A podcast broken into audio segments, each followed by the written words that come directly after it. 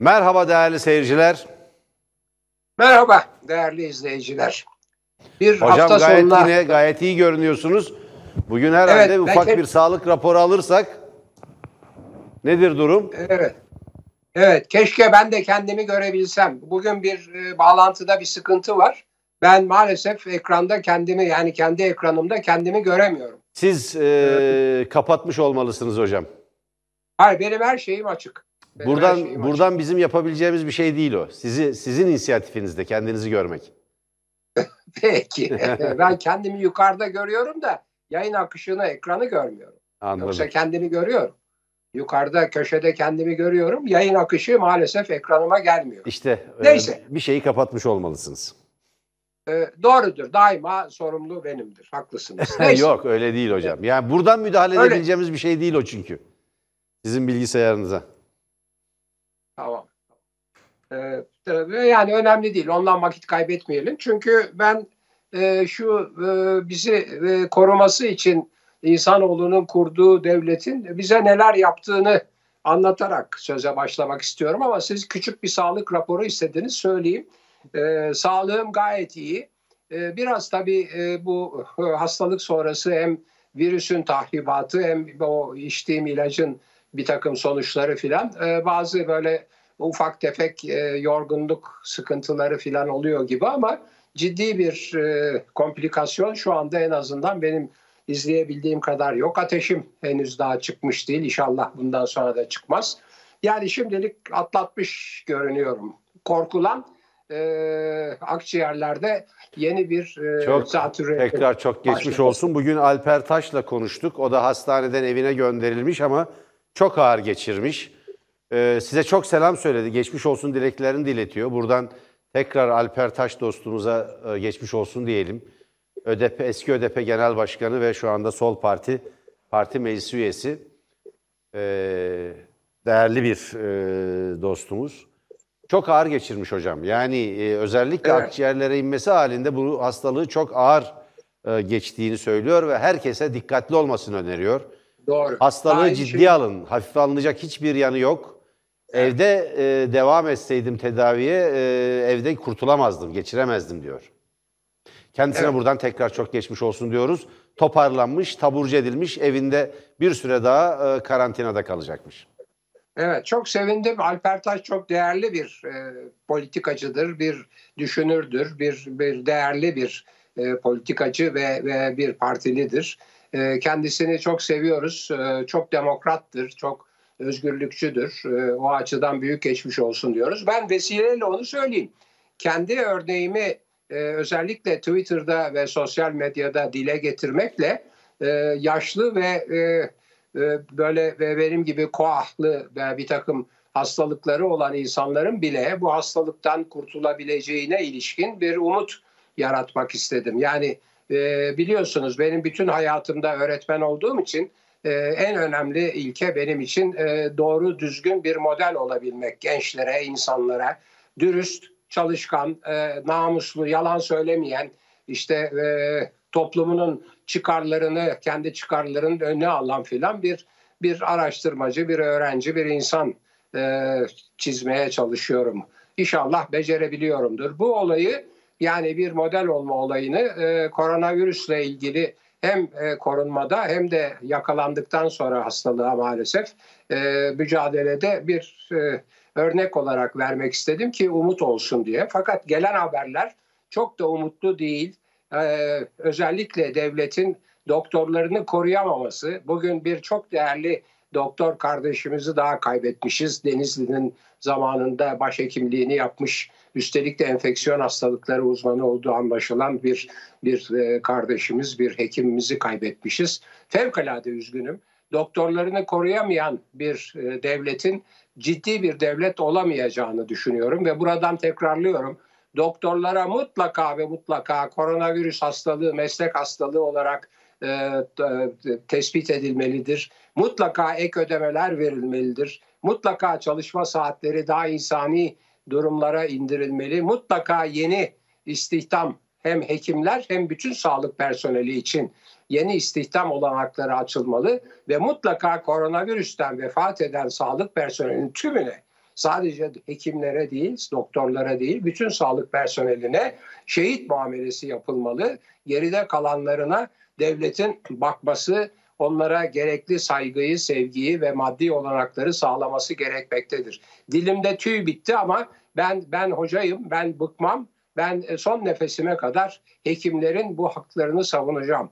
Onlara biz biz sadece ve sadece minnet borçluyuz, şükran borçluyuz. Bizim için ölüyorlar ya bu adamlar. Yani bu şey aynen, gibi. Aynen yurdunu, öyle hocam. Yurdunu savunan yurdunu savunan askerlerin cephede ölmesi gibi bir şey. Yurt savunmasında ölmesi gibi. Yani e, bu da bu hekim e, evlatlarımız, sağlık personelimiz hepsi hepsi bütün sağlık personelimiz, hemşirelerimiz, diş hekimlerimiz, e, teknisyenlerimiz hepsi bizi korumak için hayatlarını feda ediyorlar. Bundan daha büyük bir bir e, fedakarlık olabilir mi? Ailelerinden ayrılar, çoluğundan, çocuğundan, eşinden, anasından, babasından ayrılar ve ölüyorlar. Mutlaka bu devletin buna bir çözüm bulması lazım. Bir sürü yalan, yanlış, hiç hedefle hiç ilgisi evet, olmayan hocam. muhalefet partisine saldırmakla vakit geçireceklerine bundan ilgilensinler dedikten sonra değerli izleyiciler çok kısa bir iki şey hatırlatmak istiyorum. Devlet devlet tabiatta yoktur sevgili izleyiciler. Devleti insanoğlu kurdu. Niçin kurdu? Kendisini korumak için kurdu. Şimdi kendisini korumak için kurduğu devlet o insanoğluna hakaret ederse, yalan söylerse, iftira atarsa, e, devletin sayıları olarak açıkladığı sayıları değiştirir ve yanlış sayılar açıklarsa o devletten ne hayır gelir? O insanlar o devlete nasıl destek versinler? Tabii bunun sorumlusu o devlet değil. O devleti ele geçirip e, küçük bir azınlığın veya bir ailenin hatta hatta önce azınlık diye başlayıp parti diye başlayıp sonra aileye indirgenen sonra da şahsa indirgenen bir anlayışın bir e, otokrasinin ortaya çıkışıdır. Dolayısıyla e, ben doğrusu bu devletin bir vatandaşı olarak Türkiye Cumhuriyeti'nin bir vatandaşı olarak böyle bir devlet anlayışını daha doğrusu devlete hakim olanların böyle bir anlayışla devleti bizim tepemizde bir boza pişiren, ensemizde boza pişiren bir demokrasinin kılıcı gibi kullanmasını kabul edemiyorum. En son örneklerden bir tanesi 2019 İstanbul seçimleridir. Seçim sonuçlarını beğenmeyen o devleti idare edenler iktidardan düşeceklerini görünce polisi, savcıyı, yargıyı hepsini seferber ettiler oy verenlerin üstüne ve yani sandık kurullarına, sandık kurulları başkanlarına oy verenlere sen kimsin? Senin psikiyatri raporun var. Sen nasıl oy kullandın diye. Yani korkunç bir şey. Devlet bu işe yaramaz. Ayrıca devlet ahlakı savunur, terbiyeyi savunur. Ya Türkiye'de değerli izleyiciler aile terbiyesi diye bir kavram vardı. Benim çok üstünde durduğum bir şey. İnsanlar tanımadıklarına siz diye hitap ederler vesaire vesaire. En basit terbiye ve nezaket kuralları. Kavga kavga etmezler, küfür etmezler, hakaret etmezler. Şimdi şimdi felaket bir biçimde herkes birbiriyle kavgalı, herkes birbirine hakaret ve küfür ediyor. Neden? Çünkü devlet adına bizi yönetenler bu konuda öncülük yapıyorlar. Kötü öncülük yapıyorlar. Kötü örnek oluyorlar. Bütün bunları söyledikten sonra 193 kişi gene dünkü sayıdır bu açıklanmış koronavirüsten vefat için. Fakat aynı anda 11 olması gereken Büyükşehir Belediye Başkanları toplantısı 10 kişi olarak yapılmış. Muhittin Böcek e, hasta olduğu için Allah bir an evvel şifaya kavuştursun. E, ve açıklanan sayıların 3-4 katı vefat olduğu ve vakaların da 3-4 katı fazla olduğu belirtilmiş. Açıklanan vaka sayısı gene 30 binin üstünde. Ee, ölüm sayısı da 193 kişi. Ama bunu 2-3 ile çarparsanız en az 400-500 kişinin hayatını kaybettiği ve e, vakaların da 50 binin üstünde olduğu tahmin edilebiliyor. Bir defa böyle bir şey olmaz. Yani bu bu sayılarla bu mücadele götürülmez. Şimdi başka bir çok önemli olay daha var. O, o da e, iktidarın koronavirüsle mücadele edeceğine kendi başarısızlığını örtmek için CHP ile mücadele etmesi, CHP'ye saldırması ve özellikle evet büyükşehir belediyelerinin ellerini kollarını bağlamaya çalışması derken İmamoğlu'ndan müthiş bir müjde geldi. 580 milyon dolarlık bir kredi bulmuş yurt dışından dört tane metro hattının inşaatı için. Şimdi buna karşı ne yapacaklar doğrusu bilemiyorum. Çünkü maske dağıtamazlar. Maske dağıtan belediyeleri engellerler. Yardım yapamazlar. Yardım toplayan belediyelerin topladıkları yardım paralarına el koyarlar. Başka hizmetler veremezler. Bu hizmetleri veren belediyeleri yasaklarlar. Ekmek dağıtımına bile bir ara yasak getirmeye çalışmışlardı. Para vermezler. İller Bankası'ndan para vermezler. Para buldukları paralara el koyarlar ve şimdi açıkça söylüyor İmamoğlu ve diğer başkanlar kamu bankaları hak ettikleri kredileri vermiyorlar. Dolayısıyla ama işte İmamoğlu buldu yurt dışından 580 milyon dolar buldu ve onu da yani müthiş bir e, talep karşılığında tahvilleri ihraç ediyor. Kendisini buradan kutluyorum ve içte ve dıştaki başarısızlığın bir sonucu da bugün Amerikan Kongresi'nin e, Trump'ın önüne yolladığı e, milli savunma harcamaları babında Türkiye'ye önerilen bir takım yaptırımlar e, S-400'ü almasından dolayı. Yani böyle devlet de olmaz, böyle devlet yönetimi de olmaz. Devlet yalan da söylemez, iftira da etmez, vatandaşını da korur, özellikle sağlık personelini korur. Evet. Peki hocam. Şimdi e, ben e, Türkiye'de şu anda koronavirüsteki en kritik tartışmanın e, aşı tartışması olduğunu düşünüyorum ve aşı tartışması öyle anlaşılıyor ki giderek gelişecek, derinleşecek. Şimdi Türkiye'de vatandaşa e, yapılması gereken şudur, ücretsiz aşı yaptırmaktır. Çünkü Türkiye Cumhuriyeti vatandaşlarının verdiği vergilerden oluşur Türkiye Cumhuriyeti'nin bütçesi. Dolayısıyla bu bütçe gelirlerinin, bu bütçe gelirlerinin vatandaşın sağlığını korumak için harcanmasından daha doğru bir tercih olamaz. Şimdi yıllardır neoliberal politikalarla ki AKP neoliberal bir siyasal İslamcı partidir. Neoliberal politikalarla baştan çıkmış piyasacı, özelleştirmeci, altta kalanın canı çıksıncı bir piyasa ekonomisinden yana olduğu için neoliberal politikaları aldı ve taşıdı. Kamu kurumları kar etmek amacıyla kurulmaz. Mesela yıllardır Sayın Erdoğan SSK'nın zarar ettirildiğini söyledi. Ya SSK kar etmez. SSK kar ediyorsa yani Sosyal Sigortalar Kurumu ya da şu anki adıyla Genel Sağlık Sigortası Kurumu, Genel e, Sosyal Sigortalar Kurumu eğer kar ediyorsa bilin ki emekliye parasını vermiyor demektir. Emekliye yeterince parasını etkin bir biçimde insanca yaşama koşullarına uygun bir şekilde vermiyor demektir. Sosyal sigortalar kurumları ya da genel sigorta kurumlarının hiçbirisi dünyanın hiçbir yerinde kar etmek amacıyla kurulmaz. Ama yıllardır bu ezberi o kadar çok sık tekrarladılar ki güya Kemal Kılıçdaroğlu'nun nasıl başarısız olduğunu anlatmaya çalışar, çalışmak için bunu yaptılar. Genel bir kabule dönüştü. Ben buradan şu sonucu çıkartıyorum. Kemal Kılıçdaroğlu başarılıymış o halde. Ali Tezel bizde sosyal güvenlik ve emeklilik programları yaptı. Başka yerlerde de yaptı. Başka televizyon kanallarında da yaptı. Gazetelerde de bu yönde yazılar yazmış. Kamuoyunun tanıdığı bir isimdir. Yıllardır bunu anlatmaya çalışır.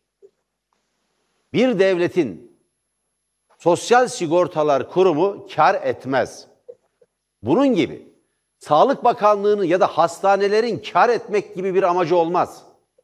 Hastaneler kar etmez. Hastaneler hizmet ederler. Milli Eğitim Bakanlığı kar etmez. Milli Eğitim Bakanlığı kar amacıyla kurulmaz çünkü öğrenci müşteri değildir. Devletin vatandaştan aldığı vergilerin karşılığı olarak halkın, vatandaşlarının eğitim hakkını, anayasal haktır, eğitim hakkını yerine getirmektir. Yani onlara eğitim hizmeti vermektir. Ben Sağlık Bakanlığı'nın bütün yurttaşlara en doğru aşı hangisi ise onu yaptırması gerektiğini, yapması gerektiğini ve bunu ücretsiz olarak yapması gerektiğini düşünüyorum. Bu Çin aşısı da olabilir, Almanya'da üretilen aşı da olabilir, başka bir aşı da olabilir. Türkiye'de geliştirilmiş bir aşı da olabilir. Ama bu aşının doğru, sonuç alıcı ve etkin olması koşuluyla. Tam buradan bir noktaya geleceğim ben. Bu akşam 5. boyut programına halk sağlığı uzmanı Profesör Doktor Sayın Ahmet Saltık katılacak. Diğer konuklarımızın yarı sıra e, Fikret Bila var, değerli gazeteci, e, siyasal analist, yazar. E, Eren Erdem var, yine siyasetçi ve yazar e, konuklarımızdan. Sayın Ahmet Saltık'la bunu konuşacağız. Şimdi Çin aşısı diye bir ön yargı oluşturulmaya çalışılıyor. Bir ön yargı var. Sanki dandik aşı, kötü aşı. Yani sonuç alınamayacak aşı diye. Buna bilim insanları karar verecektir her şeyden önce. Özellikle bunun altını çizelim. Kaldı ki bilim insanları üretilen diğer aşılardan farklı olmadığını, Çin'in hastalığın kökünü kazıdığını, etkin ve başarılı olduğunu, üçüncü fazında denendiğini ve 1 milyondan fazla insana bu aşının yapıldığını belirtiyorlar. Etkin sonuç alınmış durumda. Bu akşam diğer ayrıntılarını konuşacağız. Ama Sağlık Bakanlığı çünkü 11 Aralık'ı tarih olarak verdiler. Şurada 11 Aralık'a 6 gün var. 11 Aralık'tan itibaren aşı başlayacak mı başlamayacak mı? Yok Bunun- başlamıyor. Evet Başlamıyor, başlamıyorlar. Başlayamıyor. Başlayamıyorlar. 11 Aralık 11 Aralık Türkiye'ye ithal tarihi. Evet, En az geleceği 15 gün daha tarih. O daha da sarkacak. Yani bu Ocak ayına hatta Şubat ayına kadar sarkabilir. Hastalık Evet, pik evet. yapmış. Biraz önce verdiğiniz örnek çok yerinde hocam. 10 büyük şehrin belediye başkanı. Bunlar CHP'li belediye başkanları. 10 büyük şehrin. Bunlar bir araya gelerek yani sanal ortamda, internet ortamında yaptıkları çevrim içi toplantıda ortaya bir e, ne diyelim resmi görüş, kesin bir bilgi koydular. O bilgi de şu. Ölü sayısı en az 4 katı. 3-4 katı. Vaka sayısı da böyle. Yani siz 30 bin diye verdiğiniz vaka sayısı aslında 120 bin civarında. En az 90, en, en fazla 120 bin civarında. 90'dan az değil, 120 bine kadar çıkabiliyor. Kaybettiğimiz yurttaş sayısı ise tam da benim geçen gün yine e, 18 dakika, dakikada yaptığım hesaplama gibi ki e, değerli bilim insanlarının uyarısı ve katkısıyla onlardan öğrendim çünkü bunu. Dünyadaki %3 oranına yakın olduğu anlaşılıyor. Yani 600 ila 900 arasında olduğu anlaşılıyor. Kaybettiğimiz yurttaşlarımızın sayısı. Bu ciddi bir rakamdır değerli seyirciler. Tek bir örnek vereceğim. Bir yere bir e, ne diyelim bir sabotaj düzenleseniz, bir bombalı saldırı gerçekleştirseniz 30 kişi ölse en az bu ülkede bir ay konuşulur bu. Gündemin tepesinde yer alır. Yahu bugün sadece İstanbul'da, İstanbul Büyükşehir Belediyesi'nin verdiği rakama göre 209 kişi ölmüş durumda. Bu 209 kişi ömrünü tamamladığı, eceli geldiği, hak vaki olduğu için değil, koronavirüs yani Covid-19 salgını nedeniyle yaşamını yitirmiş durumda. Kurtarılabilirlerdi. Ölümcül bir hastalık olduğu belli. Şimdi Alper Taş genç bir siyasetçi. Yani genç sayılır diyelim bence genç. Ha, çok genç. Çok Evet. genç. Ve kendi anlatımına göre ölümden dönmüş. Çok zor geçti Evet. diyor. Yani akciğere inmesi bu hastalığın çok ağır geçirilmesine yol açıyor. Kan pıhtılaşmasına yol açıyor, pıhtı atıyor beyne, kalbe. Sizi bir kalp krizi ya da beyin kanamasından da ölümünüze yol açabilecek bir hastalık. Yani ortada ciddiye alınacak yurttaş sağlığı açısından bir tablo var. Fakat Sağlık Bakanlığı'nın ne zaman bu aşıları yapacağı bile belli değil. Çin aşısıysa Çin aşısı. Bugün bir gazetenin genel yayın yönetmeni ve köşe yazarına geniş bir açıklama yapmış. Belirsizliklerle dolu. Hala belli değil. Bir yanıyla Çin aşısı geliyor diyorlar. Çin'den aşı aldık. Bedava gelecek diyor. Çin hibe edecekmiş. Ediyorsa çok iyi. Çok çok iyi. Yerli aşı geliştirmekten söz ediyor. İşte Pfizer, BioNTech firmalarından yani Almanya'dan alınacağını söylüyor. Başvurduk işte temaslar devam ediyor, görüşmeler devam ediyor diyor. Ne yaptıkları belli değil. Ne yaptıkları belli değil. Yapılacak şey şu. Ee, biz Çin Büyükelçiliğinden uzmanlarla da e, konuşacağız. Öyle temaslar kurduk. Ee, gündeme geldi çünkü bu. Ya bu aşıların Sağlık Bakanlığı doğru düzgün bilgi vermediği için hakikaten Çin'den geliyor mu? Ücretsiz mi gelecek? Gelecekse ne zaman gelecek? Bunları öğreneceğiz ve kamuoyuyla bu bilgiyi paylaşacağız hocam. Bravo, tebrik ediyorum. Ee, siz e, bu e, krizde müthiş bir sınav verdiniz. Şimdi ben değerli izleyicilerime başka bir şey daha hatırlatmak istiyorum. Hem devletle ilgili hem insanlarla ilgili. Değerli izleyiciler normal zamanlarda e, dünyanın ve ülkenin normal zamanlarında devletin işleyişi kimsenin dikkatini çekmez. İşte polisi vardır, trafiği işler, yürür, e, vergini götürür, yatırırsın. Bir sıkıntın olursa bilmem karakola gidersin falan filan. Devletin varlığı kriz zamanlarında belli olur. Nedir o kriz zamanları? O kriz zamanları felaket zamanlarıdır. Nedir o felaketler? Savaştır. En büyük felaket bir emperyalist saldırıdır, bir düşman saldırısıdır. Ondan sonra nedir? Doğal afettir. Yani bir zelzeledir, bir tsunami'dir, bir bir her türlü e, bir toprak kaymasıdır. Her türlü doğal doğal ve felakettir. Şimdi ünlü toplum bilimci ve tarihçi Toynbee e, ki e, biraz Türkiye düşmanı bir adamdır ama bu e, Türkiye'yi İslam'la özdeşleştiren Samuel P. Huntington'ın da hocasıdır. Zaten Huntington'ın Türkiye'ye karşı saldırılarının altında da bu Toynbee yatar. Fakat onun çok doğru bir teorisi var. Diyor ki e, insanlık diyor, insanlığın toplumları ancak bir felaketle karşılaştığı o toplum bir felaketle karşılaştığı ve o felaketi yenebildiği zaman ilerler diyor e, bedeniyet, uygarlık.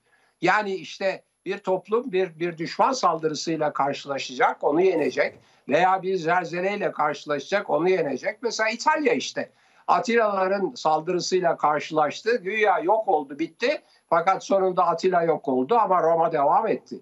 Pompei yaşadı, Vezüvü yaşadı vesaire ve İtalya bugün Rönesans'ın öncüsü bir Avrupa devleti olarak bakmayın e, çok onların da eksiği falan var ama o ayrı bir mesele e, varlığını sürdürüyor. İşte Türkiye Cumhuriyeti Devleti de böyle bir sınavla bugün karşı karşıya. Hem kötü bir yönetim, devleti ele geçirenlerin yeterince bilgili olmadıkları, deneyimli olmadıkları, yeterince danışmadıkları, insanların evet iradelerini ve e, görüşlerini dikkate almadıkları bir yönetim biçimi uyguluyor. Hem de başına bu uygulamadan dolayı duvara toslamak gibi bir felaket geldiği gibi bir de koronavirüsle karşı karşıya kaldı. Ve bu bu bu bu krizi yönetemediler. Bu krizi hala yönetemiyorlar. Bir tek doğru iş yapmışlar. Onun hakkını verelim. İşte e, Favipiravir ve e, Remdesivir diye iki tane ilaç var. Onlardan da birini yetersiz ama birini yeterli olarak ithal etmişler ve onu kullanıyorlar. Bir tek yaptıkları iş bu. Ama onun dışında maske dağıtımından tutunuz e, karantinaya girmeye ve işte şeyi kapatmaya kadar, ekonomiyi kapatmaya kadar hiçbir şey yapamıyorlar. Hem yapmak istemiyorlar hem yapacak paraları, pulları, imkanları kalmadı. Şimdi böyle devlet, böyle devlet kriz zamanlarında beni korumayan devlet hiç ne işe yarar? Yani ne işe yarıyor ki? Sadece dövüyor, e, kızıyor ve başında olan insanı eleştirdiğiniz zaman sen bunu hakaret ettin diye bir de hapse atıyor üstelik. Bir de yargılıyor. Ondan sonra gittiğim oy verdiğim zaman oyumu beğenmediğinde kapıma polis yolluyor. Sen bakalım akıl sağlığına sahip misin diye. Korkunç bir şey. Ve habire bu arada yeni bir tahsis gene. Gene yeni bir tahsis. Bu tank paleti fabrikasının satılan kişisine yeni onun bir onunla ilgili bir firmaya yeni bir arazi tahsisi daha yapılmış. Böyle devlet olur mu canım? Yani bu, bu olacak şey değil. Şimdi bugün bir hekim arkadaşımla konuşuyordu. Tabii benim benim unutmayın ben Hacettepe'de profesör oldum. Benim çok çok yaygın, çok geniş, çok derin bir hekim dostlarım, sağlık personeli dostlarım var. Onlarla konuşuyordum. Bir tanesi çok net olarak şeyi e, teşhisini koydu. Dedi ki hocam Bunlar dedi e, hastalığı hastalıkla baş edemediler. Hastalığı hastalığı hastalıkla mücadelede e, yenildiler. Şimdi bütün umutlarını aşıya bağladılar. Aşı gelecek, herkes aşı olacak, hastalık bitecek. Böylece bunlar da bütün beceriksizliklerinden ve başarısızlıklarından evet. ellerini yıkamış olacaklar dedi. Evet durum budur. E, aşının üzerinde bu kadar belirsizlik olması ve bu kadar gündemde tutulmasının sebebi hastalıkla mücadeledeki başarısızlıklarını aşı yoluyla örtbas etme çabasının bir sonucudur. Bu bir. iki CHP'ye saldırmak da budur. Güya kendi iktidarlarını pekiştirmek için CHP'ye saldırıyorlar. Hiçbir işe yaramıyor. İnsanların gözü önünde olan şeyleri, onlara gördükleri şeyi tersini nasıl ikna edersiniz canım? Yani meşhur laf onu da söyleyeyim de Sayın Yanardağ veriyorum sözü. Herkesi herkesi bazen aldatabilirsiniz. Bazı insanları her zaman aldatabilirsiniz. Ama herkesi her zaman aldatamazsınız. Yeter artık ya. Yani biz biz koronavirüsle mücadele bekliyoruz. Siz CHP'lilerin söylemediği sözlerle onları onları suçlayıp e, olay yaratıyorsunuz. Bir bardak suda fırtına koparıyorsunuz. Evet. Evet hocam ortada yurttaşını koruyan değil yurttaşını döven bir devlet var. Tam da o. Evet, evet. Tanım evet, bu. Tam onu anlatmaya Yurttaşını çalışıyorum. koruyan Evet. değil, yurttaşını döven bir devlet istemiyoruz. Yurttaşın Evet, talebi de bu. Bu ülkeyi birleştirme yeteneğini kaybetmiş, kendi yurttaşlarını, bu milleti sürekli çeşitli vesilelerle bölen bir iktidarla karşı karşıyayız. Din üzerinden bölüyorlar. Milliyet üzerinden bölüyorlar. Yani etnik köken açısından bölüyorlar siyasal tercihler üzerinden bölüyorlar. Bizi birleştiren hangi kavram var ya da bizi birleştiren hangi zemin var? Bizi birleştiren hangi kurum var?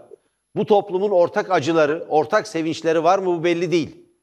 Sonra bir takım STK'lar her siyasal eğilim ve felsefi tercihe ya da inanışa sahip yurttaşların üye olduğu kamu tüzel kişiliği, hüviyetine sahip bazı meslek kuruluşları Genelkurmay Başkanlığı'nı, Milli Savunma Bakanlığı ve kuvvet komutanlarının tümünü, tümünü bir aradaki zannediyorum Milli Savunma Bakanı olan eski Genelkurmay Başkanı Hulusi Akar diğer kuvvet komutanlarını da çağırmış ve bir oldu bittiyle karşı karşıya bırakmış olmalı.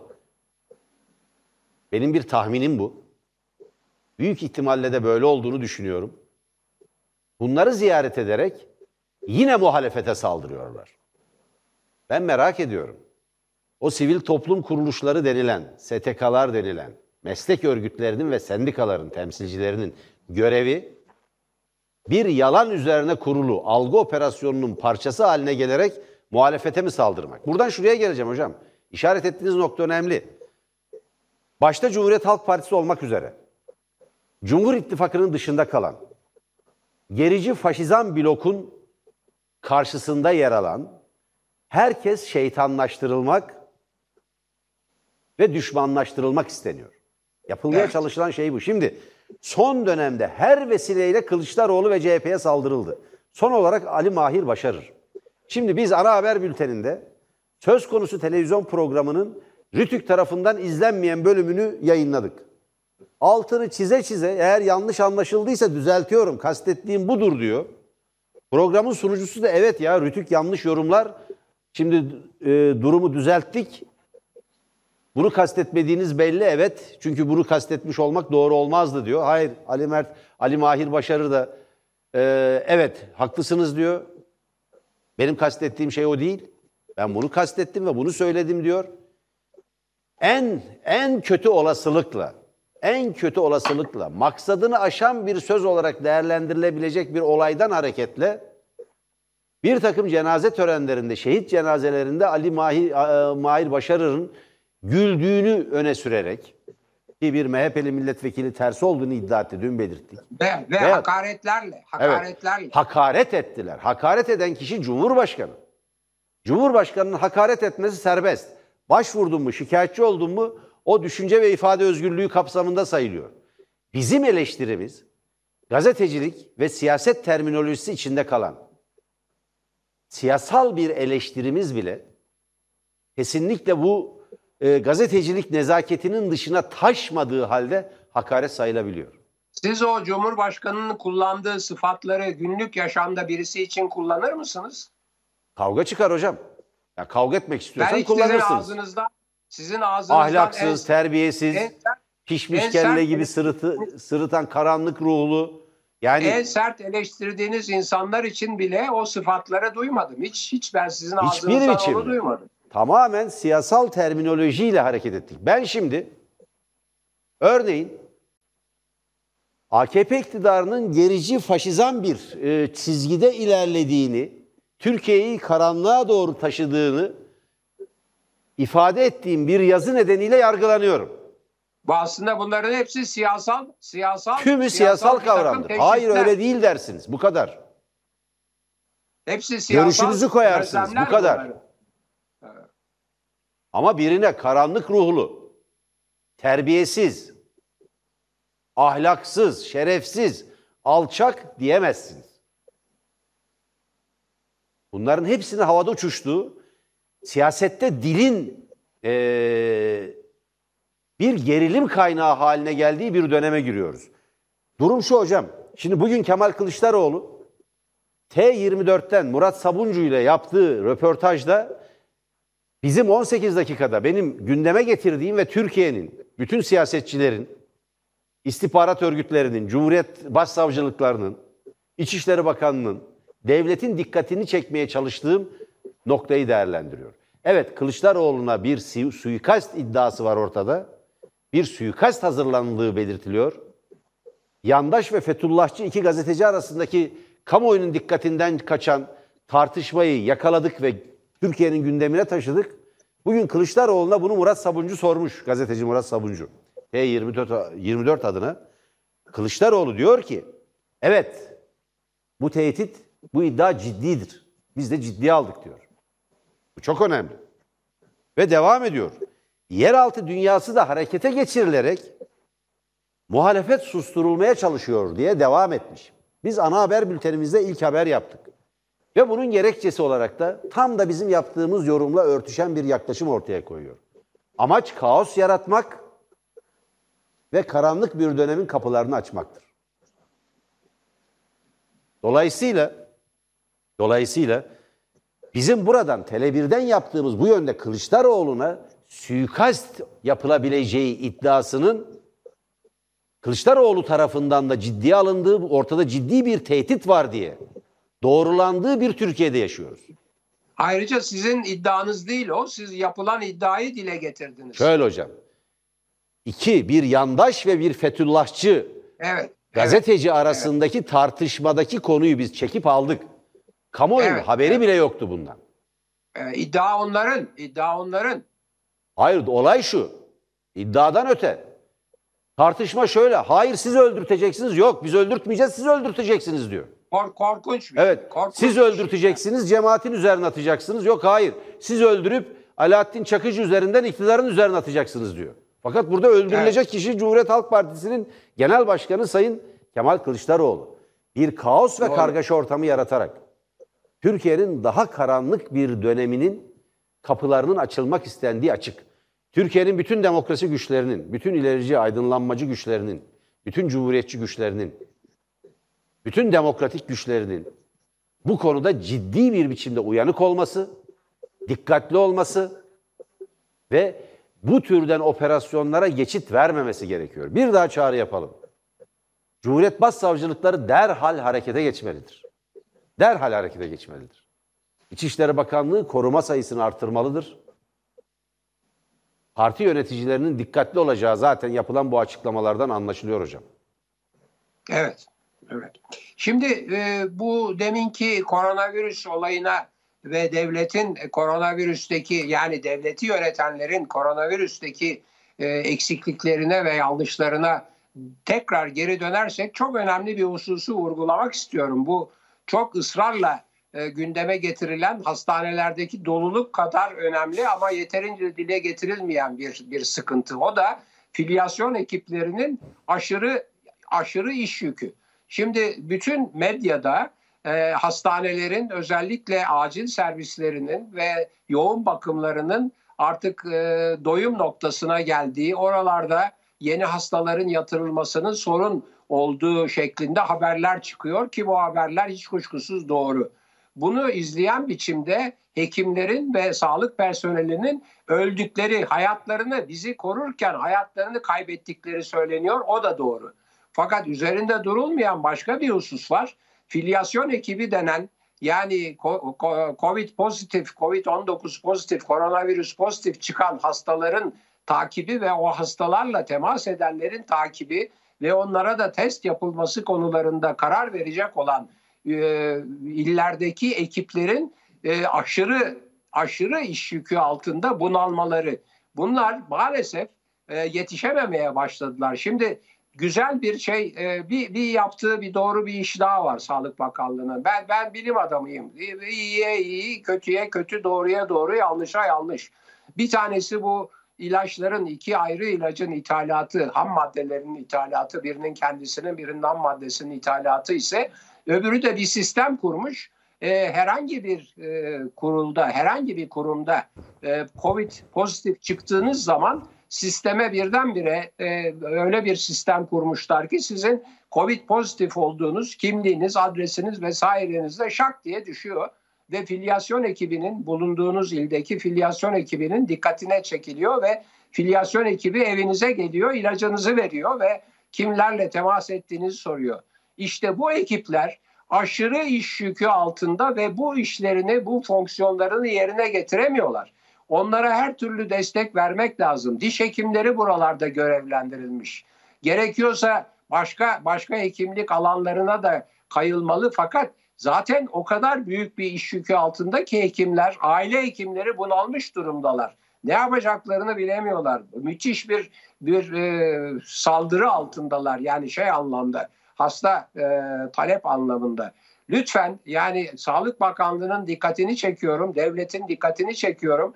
Bugüne kadar ne eksiğiniz varsa, ne yanlışınız varsa tamam yaptınız. Ölen öldü, kalanlar sağlarla gidiyoruz. Hiç olmazsa bundan sonra filyasyon ekiplerine bir, sağlık personeline, hekimler başta olmak kaydıyla istihdam desteği iki, parasal destek üç, meslek hastalığı kabul edilmesi dört, şehit kabul edilmesi koronavirüsten kaybedilenlerin beş, bunların mutlaka mutlaka yerine getirilmesi lazım. Benim devletimden beklediğim şey budur.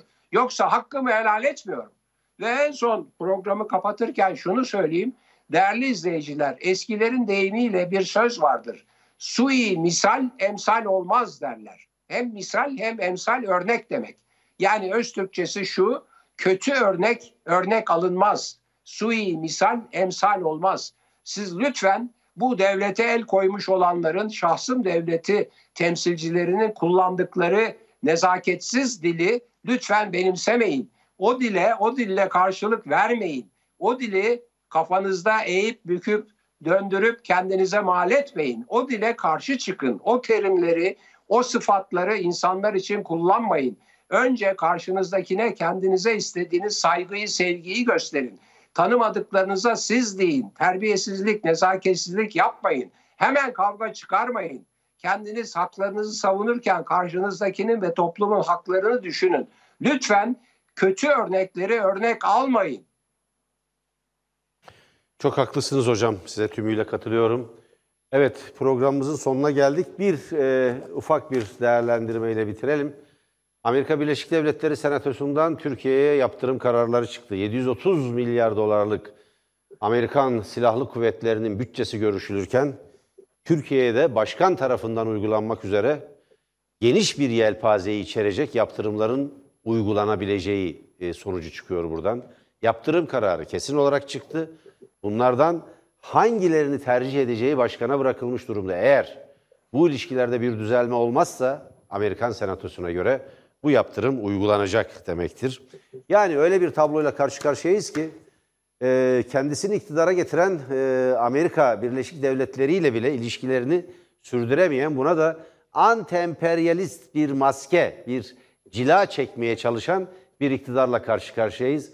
Yakında tıpkı Avrupa Birliği meselesinde olduğu gibi bu konuda da çark ettiklerine tanık olacağız hep birlikte. Bunun için çok beklemeyeceğiz hocam. Evet, değerli izleyiciler, aile terbiyenizi koruyunuz. Annenizden, babanızdan öğrendiğiniz terbiye ve nezaket kurallarını bütün hayatınız boyunca savununuz. Başkalarına kendinize istediğiniz saygıyı, sevgiyi gösteriniz. Şerefinizi, namusunuzu, haysiyetinizi koruyunuz. Yalan söylemeyiniz, iftiralara alet olmayınız. Siz ancak böylece var olacaksınız. Hepinize iyi akşamlar. Değerli seyirciler, saat 21'de biz yeniden birlikte olacağız. Fikret Bila, Eren Erdem, hukukçu Turgut Kazan ve Profesör Doktor Ahmet Saltık'la 5. boyut programında Türkiye'nin sıcak gündemini değerlendirmeye devam edeceğiz. Ee, Tele 1'de kalın, Tele 1'den ayrılmayın. Ben de tamamlamış olayım. Onurunuzu ve sağlığınızı koruyun. Hoşçakalın.